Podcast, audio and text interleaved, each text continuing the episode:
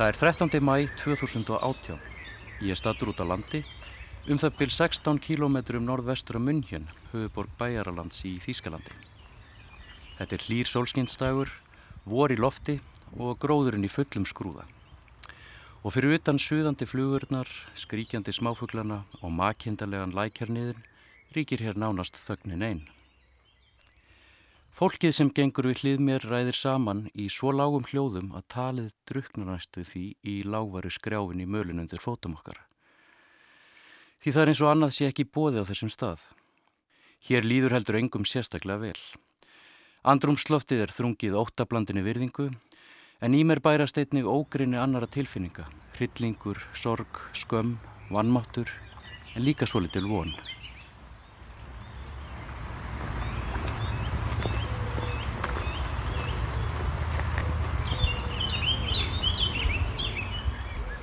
Kæri hlustandi, við erum stödd í fyrstu fangabúðum nazista, Dachau, sem Heinrich Himmler, einn af nánustu samverkamönnum Hitlers, opnaði fyrir rétt rúmlega 86 árum, þann 22. mars 1933.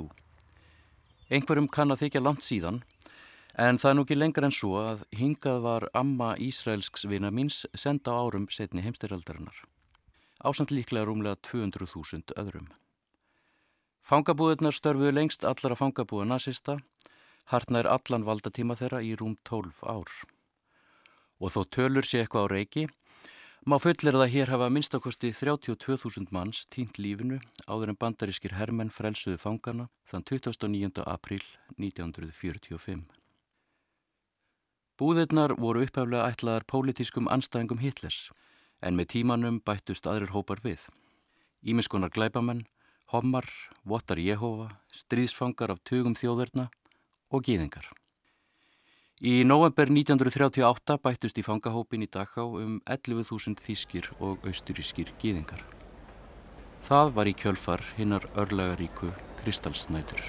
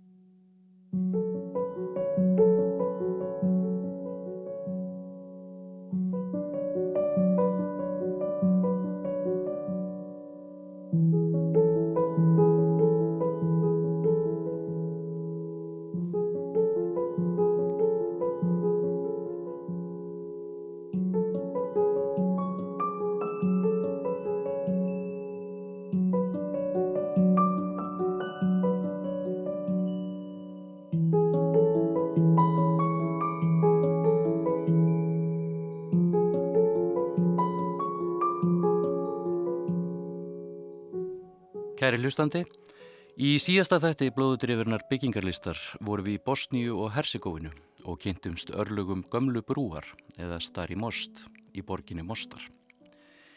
Í dag höldum við áfram að fjallum eyðingum mannvirkja og umhverfis í átökum ólíkra hópa á ólíkum tímum í sögunni. Við höldum áfram að kynast byggingarlistinni sem tákmynd menningar og skotmarki menningarhinsana. Konum áfram hlutskipti hennar í hriðiverkum, byltingum, landvinningastríðum og við aðskilnað samfélaga. Og kynumst líka byggingalistinni sjálfri, fegurðinni, tækninni, notagildinu. Þessum þremur grunnstóðum arkitektúrsins sem rómverski arkitektin og fræði maðurinn Vitruvius skrifaðum á fyrstu öld fyrir Krist.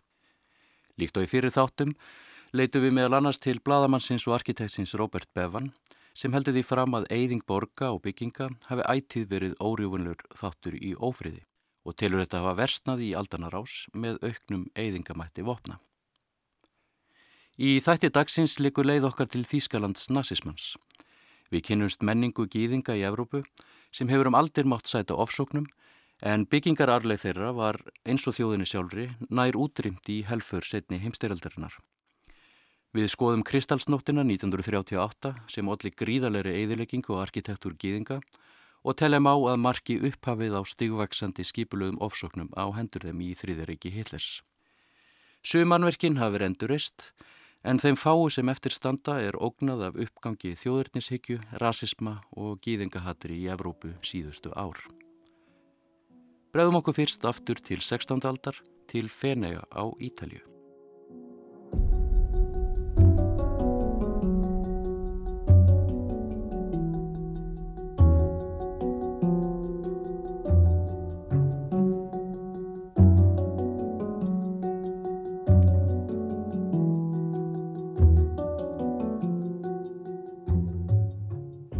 Gýðingar hafa um aldir verið þjóð sem hefur tvístrast um heiminn.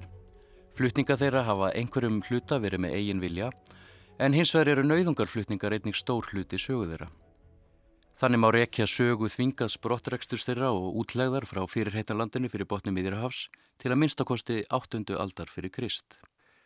Til Evrópu voru gýðingar komnir þegar á tímum Rómaveldis, líklega á annari öld fyrir Krist. Mjög snemma fór að bera á hatri millir Kristina og gýðinga og með uppgangi Kristni í Rómaveldi á fjórðu öld eftir Krist má segja að staðagýðinga hafi versnað til muna. Gýðinga ofsóknir voru þegar hafnar á tímum Rómvira og kristnir Evrópumenn stunduðu fjöldamorð og gýðingum á tímum krossferðana og gerðu þá útlæga frá norður og vestur Evrópu. Ofsóknirnar gegn gýðingum hafi raun staðið allt fram á okkar daga, í ýmsum myndum og með mislungum hljöfum.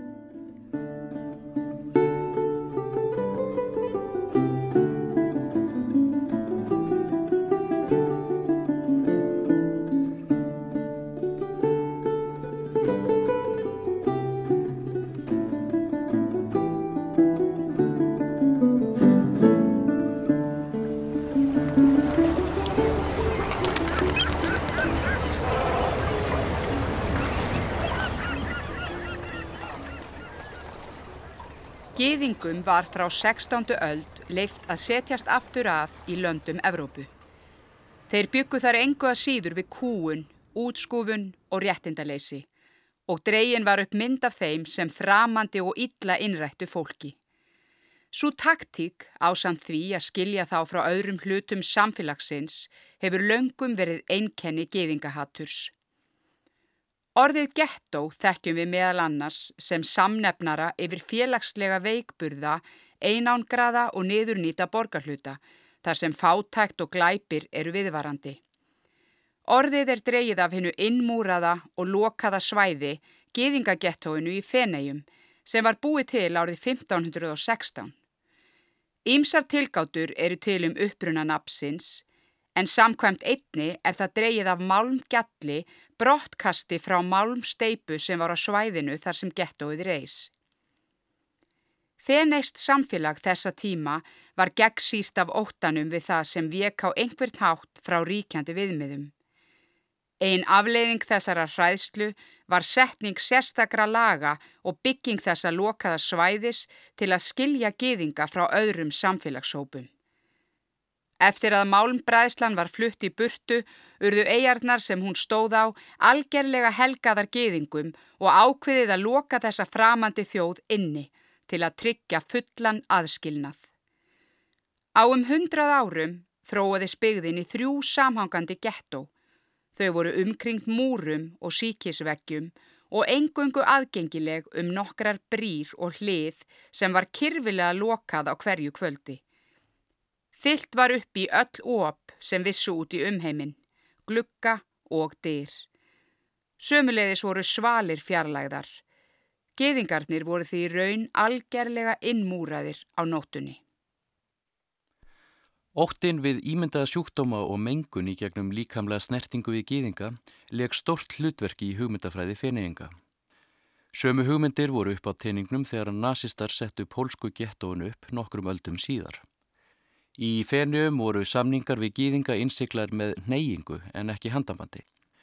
Og múrar gettósins voru ekki ætlar til að vernda gýðingana frá aðstegandi hættu, þvert á móti. Múrarnir veittu íbúum hins yfirfylta gettós til dæmis enga vörd gegn pláum og pestum og þeir voru áframlokaðir inni daga og nætur. Því síður veittu veggirni nokkra vörd gegn ofbeldi og fjöldamorðum, hinnum svokölluðu pokurum eins og farið var að kalla þau í Rúslandi á 19. öldinni. Nei, þvert á móti auðvelduðu múratnir öðrum íbúum borgarinnar að murka lífið úr geðingunum.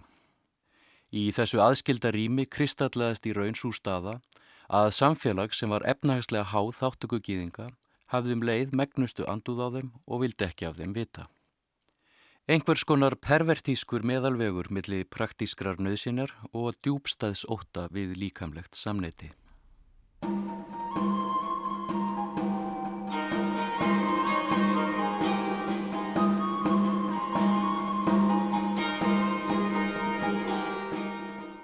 Í takti við ofsóknir gegn fólkinu sjálfu hefur byggingararleið gýðinga víðast hvar leið undir skemmtum.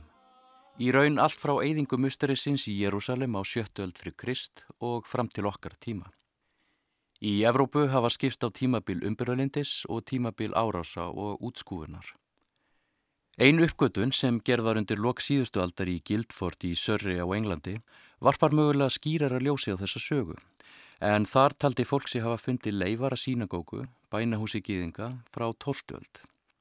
Svo virðist sem sínagókan hafi verið lögði rúst af ráðnum hug um 1270 og rústirnar fylltar með brakinu úr byggingunni. Mögulega hefur þetta gerst eftir að Elinóra af Provence, eh, ekki að Henriks þriðja englandskonungs, fyrirskipaði árið 1275 brottvísun allra gýðinga úr ennskum bæjum undir hennar stjórn, þar með talið Gildford. Ótal staðir víðsvegurum Evrópu segja svipaðar sögur. Og Elinóra, Feneingar, Spenski rannsóknarétturinn og Katholska kirkjan voru svo sannarlega ekki einum hadrið. Hann var til dæmis ansi hrikalegur tótnin sem síðbótar maðurinn Martin Luther sett í rétti sínu af gýðingum og legum þeirra sem kom út árið 1543. Fyrst ætti að brenna sínagókur þeirra eða kirkjur og hvað eina sem ekki fær brunnið ætti að hilja eða maka skít svo að kvorki sjáist af því syndurni steinn. Heimili þeirra ætti líka að brjóta niður eða í eyði leggja. Við verðum að reka það út sem óða hunda. Þrátt fyrir andstreimi og útskúfun tókst gýðingum að þrauka í Evrópu en tilvera þeirra var bundin borgunum, verslun og handverki. Með tímanum, ekki síst með upplýsingaröldinni á átjóndu öld, gerur þeir sig einni gildandi á sviðu menta og vísinda. Við hnignun konungsvelda og aukið frálsræði var fólk að gýðingættum líka áhrifamikið í nýsköpun, menningar og stjórnmálarlífs álfunar, meðal annars við myndun verkalýðs og byltingarflokka á 19. öldinni. Gýðingahattur var áfram til staðar en samfélagun breyttust. Gettónum var lokað, gýðingar öðluðist frelsi, eldust og blönduðist öðrum hópum. Þetta sást líka í byggingalistinni. Arkitektúr margra 19. aldar sínagóka í Þýskalandi sem á öðrum löndum Evrópu endur speiklaði nýfengið sjálfströstið. Síðasta gettóið í Evrópu var rifið í Róm árið 1870 og í stað þess byggt mikilfenglegt musteri krínt kvolfþakki. Áður fyrr höfðu sínagókurnar farið dullt, líst lágu sjálfsmatti og skreitingar nær engungu hafðar innan hús. Í Þýskalandi hafði sínagókunum verið fundin staður á ytri mörgum borga eða þær faldar baka til í yngörðum borgarna. Nýju sínagókurnar voru hins vegar oft áberandi, framandi og skrautlegar og undir austrænum áhrifum eins og þær í Leipzig, Nürnberg og Kæsirsláterna. Sumar voru þar í nýrómunskum stíl sem var viljandi gert til að tengja þær þýskum byggingararfi. En hvað sem stílnum leið urðu 19. aldar sínagókurna glæsileg og áberandi kennileiti í þýskum borgum. Um leið voru þær af gýðingahöturum tólkaðar sem augrun í borgaríminu. Og þegar leið á 20. aldina og nazistar farnir að gera sig gildandi í þýskum stjórnmálum, harnaði tótnin enn. Það þurft að bæla niður þessa myndbyrtingu frelsunar gýðinga með tákrænum hætti og endur reysa gettóinu.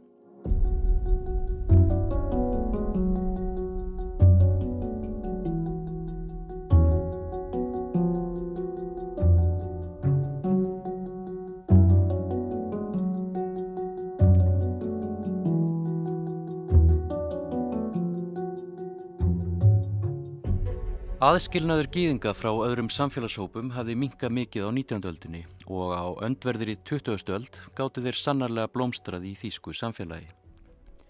Sumir heldu áfram að praktísira trú sína með virkum hætti.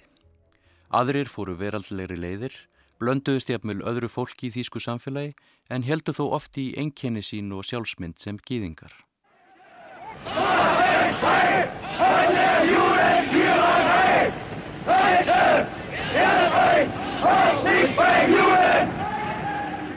En nazistarnir byðu ekki bóðana og það var strax 1. april 1933, skömmu eftir valdatöku Hitlers og aðeins örfáum dögum eftir opnun fangabúðin í Dachau sem skrefin voru aftur tekin í átt til aðskilnaðar.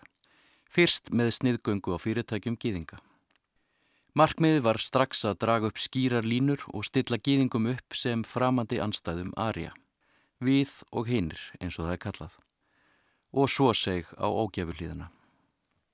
Árið 1938 var svo komið að einungis 300.000 geðingar voru eftir í Þískalandi og hafði þeim fækkað úr um hálfri miljón á eins örfáum árum.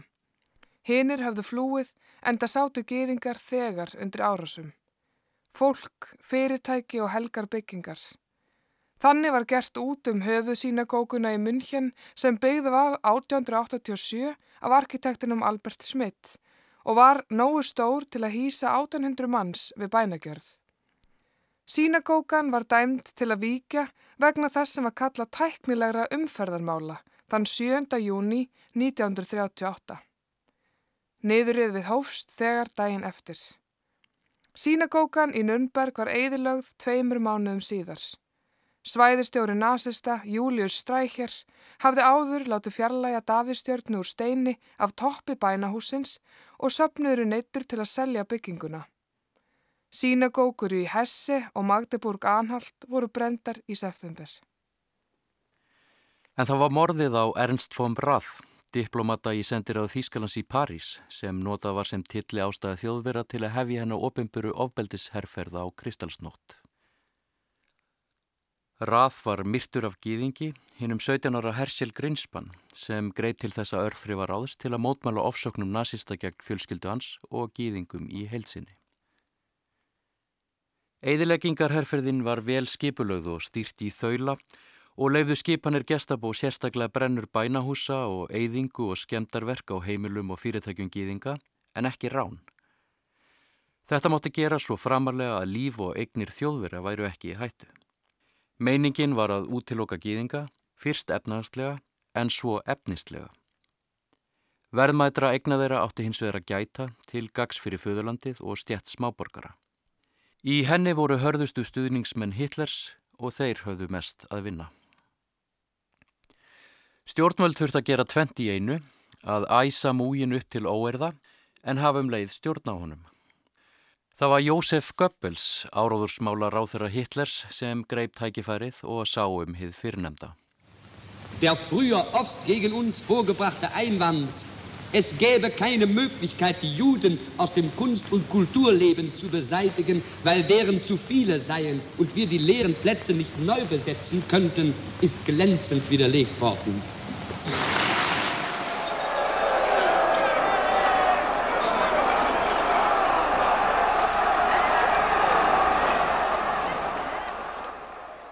Klukkuna vantaði eina mínutu í miðnetti þann 9. november 1938 þegar fyrstu rúðurnar voru brotnar í verslunum geðinga vitt og breytt um Þískaland.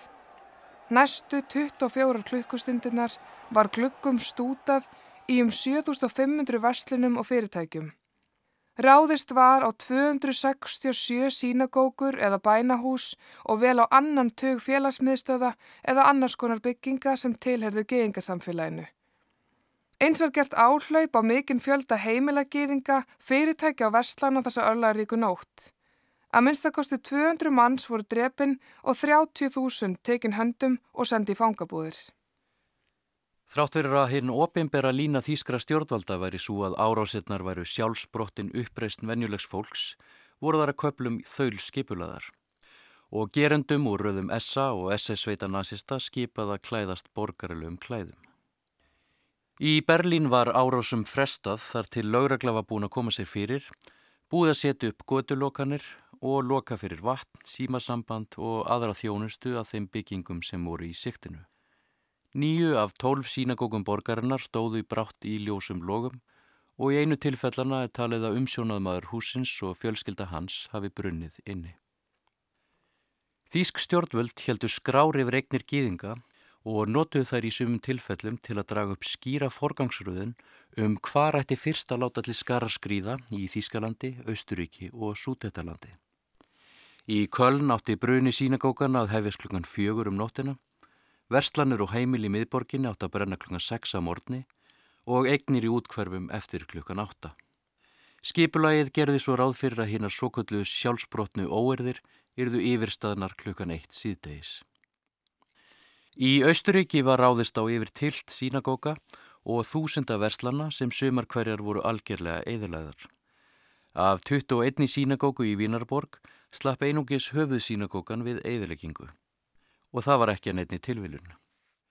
Hún hafði nefnilega geima skrár yfir samfélag gýðinga í borginni. Skrár sem nazistar notuðu svo við að handsama fólk og flytja í fangabúður. Helgum munum víða um Þíska ríkið var annarkvort tortímt á staðnum eða þeir vanhelgaðir og eigðilegðir eftir að hafa verið fleikt út á götu. Auðmyking og ógnandi tilburðir voru mikilvægur hluti ferlisins. Karlmönum var til að mynda sapna saman í Baden-Baden, þeir barðir til óbóta í sínagókunni og neytti til þess að trafka á bænasjölum. Þá voru þeir láttin fara með hendingar úr riti Hitlers, Mein Kampf og pissa á veggina. Að því loknu var sínagókan brend og mennirnir sendir í fangabúðunar í Dachau. Alfons Heck var þarna tíu ára gutti í Hitlers æskunni og reys í styrjöldinni til metorða innan reyfingarinnar. Síðar meir skrifaði hann um reynslu sína, heila þvottin og æðið sem rann á þýska æsku og helt fjölda fyrir lestra til að vera öðrum viti til varnaðar. Alfons lísti atbyrðinum svo. Við nágrannu minn Helmút vorum á leiðin heim úr skólanum. Við vorum á gangi fram hjá sínagókunni þegar fylking syngjandi kallmanna marseraði í vekk fyrir okkur. Fyrir hópnum fór Pól Wolf sem var smiður í hverfinu og harskettur meðlumur SS sveitana. Skendilega tóku þeir á rás og stormuðu inn í andri byggingarinnar. Nokkrum sekundum síðar small á götuna stóri steindi glukkin sem hafi verið fyrir ofan dittnar og splundraðist. Húsgögn flögu út um glukka og dyr. Öskrandi storsveita maður klifraði upp á þak, veifandi rullunum með tórinni. Skeinið ykkur með þessu, júðar, öskraðan á meðan hann kastaði þeim út og let pappirinn renna af rullunum eins og skrautpappir á kjötkveði hátíð. Even to me, as a 10 year old, the events of the Kristallnacht, my witnessing the brutality committed on townspeople that I had known all of my, my life, signified the end of German innocence. Jafnvel fyrir mig, tíu ára gamlan drengin, þýttu atbyrðnir á kristalsnótt það að verða vitni að grimdaverkunum kakart fólki sem ég hefði þekkt alla mína æfi, þetta þýtti endalók hins þíska sakleysis. From now on, not one of us could ever maintain that we did not know what was in store for the Jews. Frá þessari stundu gatt ekkert okkar haldið því fram að við vissum ekki hvað var í væntum fyrir geðingarna.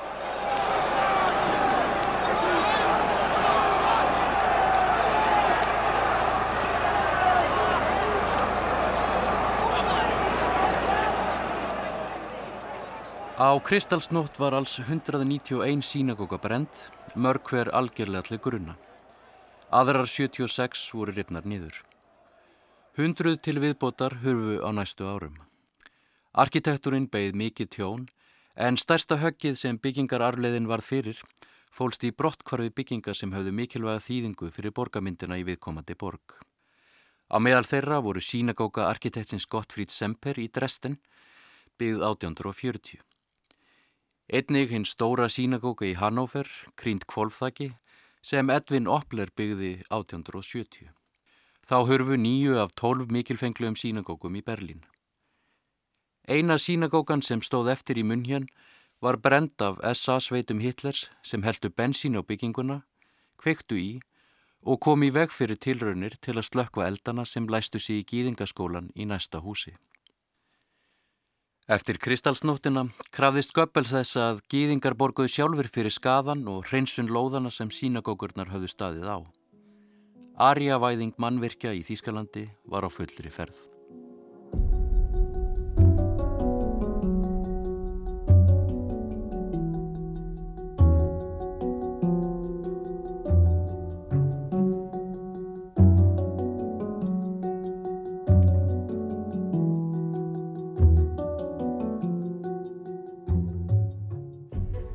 Örlög menningarar þeirra sem töldust óvinnir nazista voru þeim hugleikin og í raun voru þau einn af megin þráðunum í starfsemi þeirra með skemdarverkum, þjófnaði eða eignaruptöku. Nasistarnir fóru um rænandi og rupplandi og höfðu á brott með sér þegar þeir á annað borð girtust hluti, ótal málverk, alltarismunni og jafnvel herbergi úr byggingum í heilu lægi.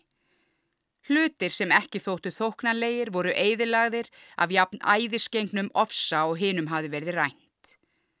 Í borgum eins og Berlín fólst þetta meðal annars í því að eigða úrkenni aðri list, eins og það var kallað. Að brenna stopnun Magnúsar Hirsfelds í kinnfræðar rannsóknum, nú eða tortíma heilum hverfum gýðinga vegna áforma fóringjans um að endurbyggja höfuborg ríkisins. Þrátt fyrir alla tortímingu kristalsnætur snýrist hún fyrst og fremst um að eigða hennu byggða nærum hverfi gýðingaþjóðarinnar, ekki fólkinu sjálfu. Niðurstaðan fólst í því að gýðingar í Þýskalandi og Austuríki voru að mati yfirvalda loksins orðin ósýnilur hópur fólks. Að minnstakosti hvað varðar byggingararfin og þar með nálægð hópsins í borgaríminu. Á sama tíma sáu yfirveld til þess að hver og einn einstaklingur væri kyrfilega sínilegur með gulu stjórnunni. Hópnum var sundrað og styrkur heldarinnar brotin niður en einstaklingarnir sem nú voru í enn veikari stöðu, eldir uppi og fangilsaðir. Árásirnar á kristalsnótt auðvelduðu þannig eftirleikin. Þar voru undibúningur fyrir árás á þessa þjóð sem hafði stig af stíi verið afmennskuð og auðmygt. Nokkur skonar upphittun fyrir það þjóðarmorð sem var í vandum. En eigðilegging byggingagýðinga var í sjálfu sér líka menningalegt þjóðamorð og með henni tapaði þjóðin byggingararluð sinni. Það sem eftir stóð voru einungis brot af þessari arfleð. Meira á minna án fólksins sem skópana og hlúði að henni. Fólksins sem þessir einmanna minnisvarðar átt að vera fulltrúar fyrir, sögu þess, einkenni og minningar. Hordes of people were standing in front of it and throwing stones through the beautiful stained glass windows. Nasistum hafði tekist að einangra gýðinga í Þýskalandi, bæði efnahagslega og menningarlega og útiloka frá þáttöku í sameilugum rýmum samfélagsins. Við heyrðum hér Jóhannu Gerekter Neumann segja frá atbyrðum Kristalsnætur en hún var þá nýjára hnáta í Hamburg. Fjölskylda hennar hafði árangusleust reynd að verða sér út um vegaberis áritun til bandaríkjana. Þau komust til Albaníu stutt eftir Kristalsnót þar sem fjölskyldan dvaldi þar til bandamenn frelsuði landið 1945.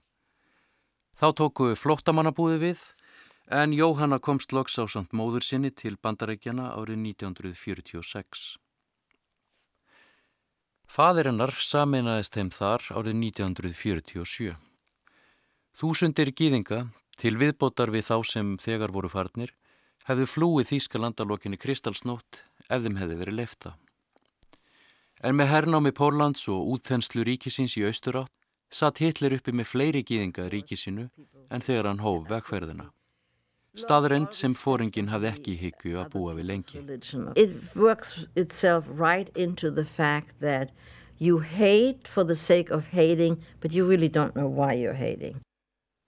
Ólíkt því sem aðrir trúarleir og etnískir hópar máttu þóla var tilvist gýðinga eða nærveru í samfélaginu aldrei afnitað af nazistum. Hugmyndafræði þeirra var gegnsýrð hatri og þráhyggjugakvar gýðingum og sangkvæmt henni voru þeir ætíð nálægt meindýr, ávalt með bolsjevísk eða síonísk samsæri á prjónunum.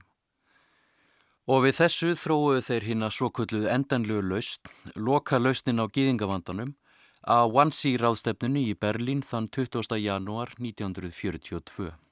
Tilgangurinn að má heilan kynþátt og allar heimildur um tilveru hans af yfirborði jarðar fyrir utan nokkur sínidæmi sem átt að hýsa á sapni í Prag eins og fordleifa síningu til að minnast Sigursins. Sakfræðingurinn Elisabeth Domanski orðaði þetta þannig. Það átti ekki að útrýma geðingunum og gleima þeim svo. Það átti að útrýma þeim og muna þá svo til eilíðar nóns. Eilífur döiði átti ekki að felast í gleimskunar dái, heldur í þeirri pínu að vera ávalt minnst af þeim sem ofsóttu. Lokalauðst nazistanna var mannleg og byggingarsöguleg helfur sem liggur frá kristalsnótt að stoppsetningu gettóana og allt til útrýmingar. Því það má vel færa fyrir því rauk að glerbrotin sem kristalsnótt stráði um Þýskaland hafi markað upp af helfararinnar. jafnvel þótt sjálf ákverðinin um útrýmingu hafi verið tekin og útferð síðar. Á næstu árum tegði eðileggingin sig norður til Danmörkur en einni Suðrabóin í gegnum Bosníu og allt til Greiklands. Þessi glitrandi nótt markaði kaplaskill. Mjög ákveðna stigmögnun ofsókna. Og viðbjóðurinn sem framfór í skjóli hennar var ekki bara hryllileg mismunun. Hann var fyrirbóði tortímingar á hilli þjóð.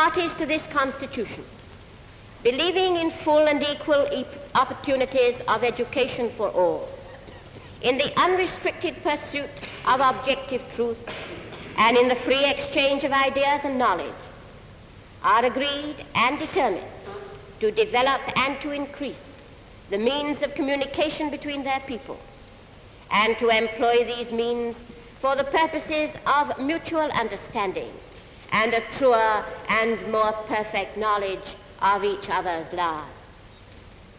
In consequence thereof, they do hereby create the United Nations Educational, Scientific and Cultural Organization. Ríkin sem aðilar eru að stoppskrá þessari og telja að öllum beri fullkomin og jöfn aðstafa til mentunar að engar hömlur skuli lagðar á leit að óhlutlægum sannleika og að frjáls skuli skipti á hugmyndum og þekkingu eru sammála um og staðráðin í því að stuðlað auknum samskiptum millir þjóða sinna í því skinni að auka gagkvæman skilning og sannari og fullkomnari þekkingu manna á lifnaðarháttum annara. Fyrir því stopna þau með sér menningarmálastofnun saminuðu þjóðana. Við heyrðum Ellen Wilkinson, þáverandi mentamálráðra Breitlands, fara með aðfarar orð stoppskrár UNESCO, menningamálastofnunar saminuð þjóna, á stoppfundi hennar í Lundunum þann 16. november 1945. Það var þegar farið að hugað stopnun UNESCO í sundurtættri Lundunaborg haustið 1942 en hryllingur heimstýraldarinnar síðari var til þess að mörg ríki heims vildu sameinlega reyna að setja á fót alþjóðstofnanir til að koma í veg fyrir að atburður í líkingu við helfurna gætu endur tekið sig. Ásamt gerð ímissa alþjóðleira skuldbyttinga gegn hópmorðum og glæpum gegn mannkinni. UNESCO hefur frá stopnun meðal annars verið ætlað að standa vörð um sameinlegan menningararf mannkins, þar á meðal byggingararfleðina, og betir til þess ímsum úrræðu. Hér má telja hagsamningin um verndun menningarvermæta í vopnum átökum frá 1954 og heimsminnasamningin frá 1972. Á honum byggir hinn viðfraga heimsminnaskrá sem hefur að geima hátt í 1100 staði um veröldvíða sem þykja hafa gildi fyrir menningar og náttúru arlefð allrar heimsbyðarinnar. This is why the fight against amnesia, against intellectual and moral regression also has to be fought online to counter hate speech and the denial of his history. UNESCO stendur líka fyrir viðtækum fræðslu og mentunar áallunum sem miða því að gera friðnum varnir í hugum manna eins og það er kallað í stoppskrá stopnunarinnar.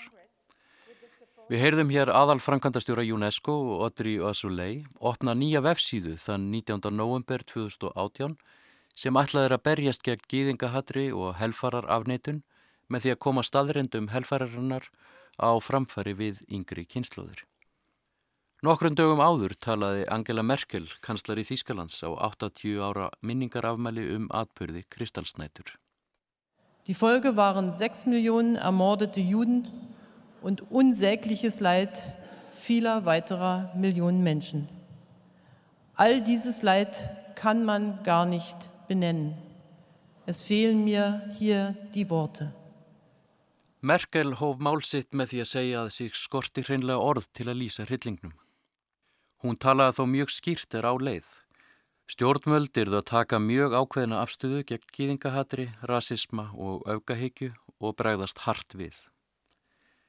Hugtakið aldrei aftur er skiljanlega mikilvægur hluti af sjálfsmynd margra gýðinga í nútímanum. Og sá einbeitti vilji að koma í veg fyrir að helfurinn endurtaki sig skýrir að hluta Þá þrautsegju sem margir gýðingar sem fást við sögu byggingarlistar sína til að staðsetja fyrrum sínagókur og ekki síst grafreiti gýðinga. Verkefnin eru unnin í viðvarandi, jafnvel verstnandi andrumslofti gýðingahatturs. Ekki síst í austur-Evrópu en kommunistastjórnir eftirstríðs áranna voru bæði fjandsamlegar trúarbröðum og hópamyndun sem þær töldu beinast gegn sér. Byggingararleið gýðinga var því áfram hundsuð laungu eftir að stríðinu lauk og þjáning þeirra, sérstaða og reynsla sem offsóts hóps tölu nýður og glemt. Vanhelgaðir gravreitir og sínagókur voru að mestu í ríkiseigu og utan seilingar hins mjög svo smækkaða gýðingasamfélags. Þeir minnisvarðar sem ennstanda er því senn vittnisspurður og viðvörun. Eftir fall kommunismans hefur fólk kefst við að bjarga eftirlifandi menningararfi gýðinga og í dag er aðgengið betra og þar með tækifæri til endurreysnar. Hins vegar stafar minjunum ógn af upprisu þjóðetnisíkju, rasisma og gýðingahatturs. Þannig hafa sínagókur og gravreitir orðið fyrir árásum víða á málfuna á undaförnum árum. Til að mynda í Rúslandi, Rúmenju, Pólandi, Lettlandi og í Þískalandi. Það virðist því ekki vannþörfa á að alþjóðastofnanir og stjórnmálaleðtogar beiti sér af afli gegn öfkum og haturs orðræðu.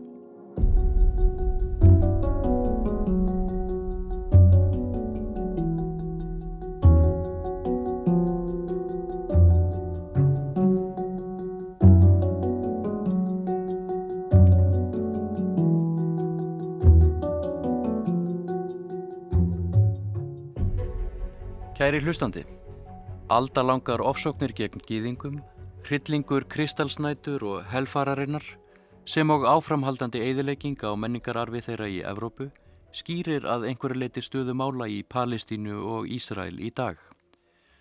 Og í hjarta þessi ríkis sem var stopnað til að veita því fólki skjól sem ítrekkað hefur hort upp á tortimingu lífsins og menningararfs, í hjarta þess má finna rústir musteris. Um þennan stað í Jérúsalem sem á aðra staði á svæðinu hafa lengi staðið blóðuar deilur. Deilur sem við skoðum í næsta þætti þegar við heimsækjum meðal annars borgina Nablus og lendum í útistöðum við landtökufólk. Meirum það að viku liðinni.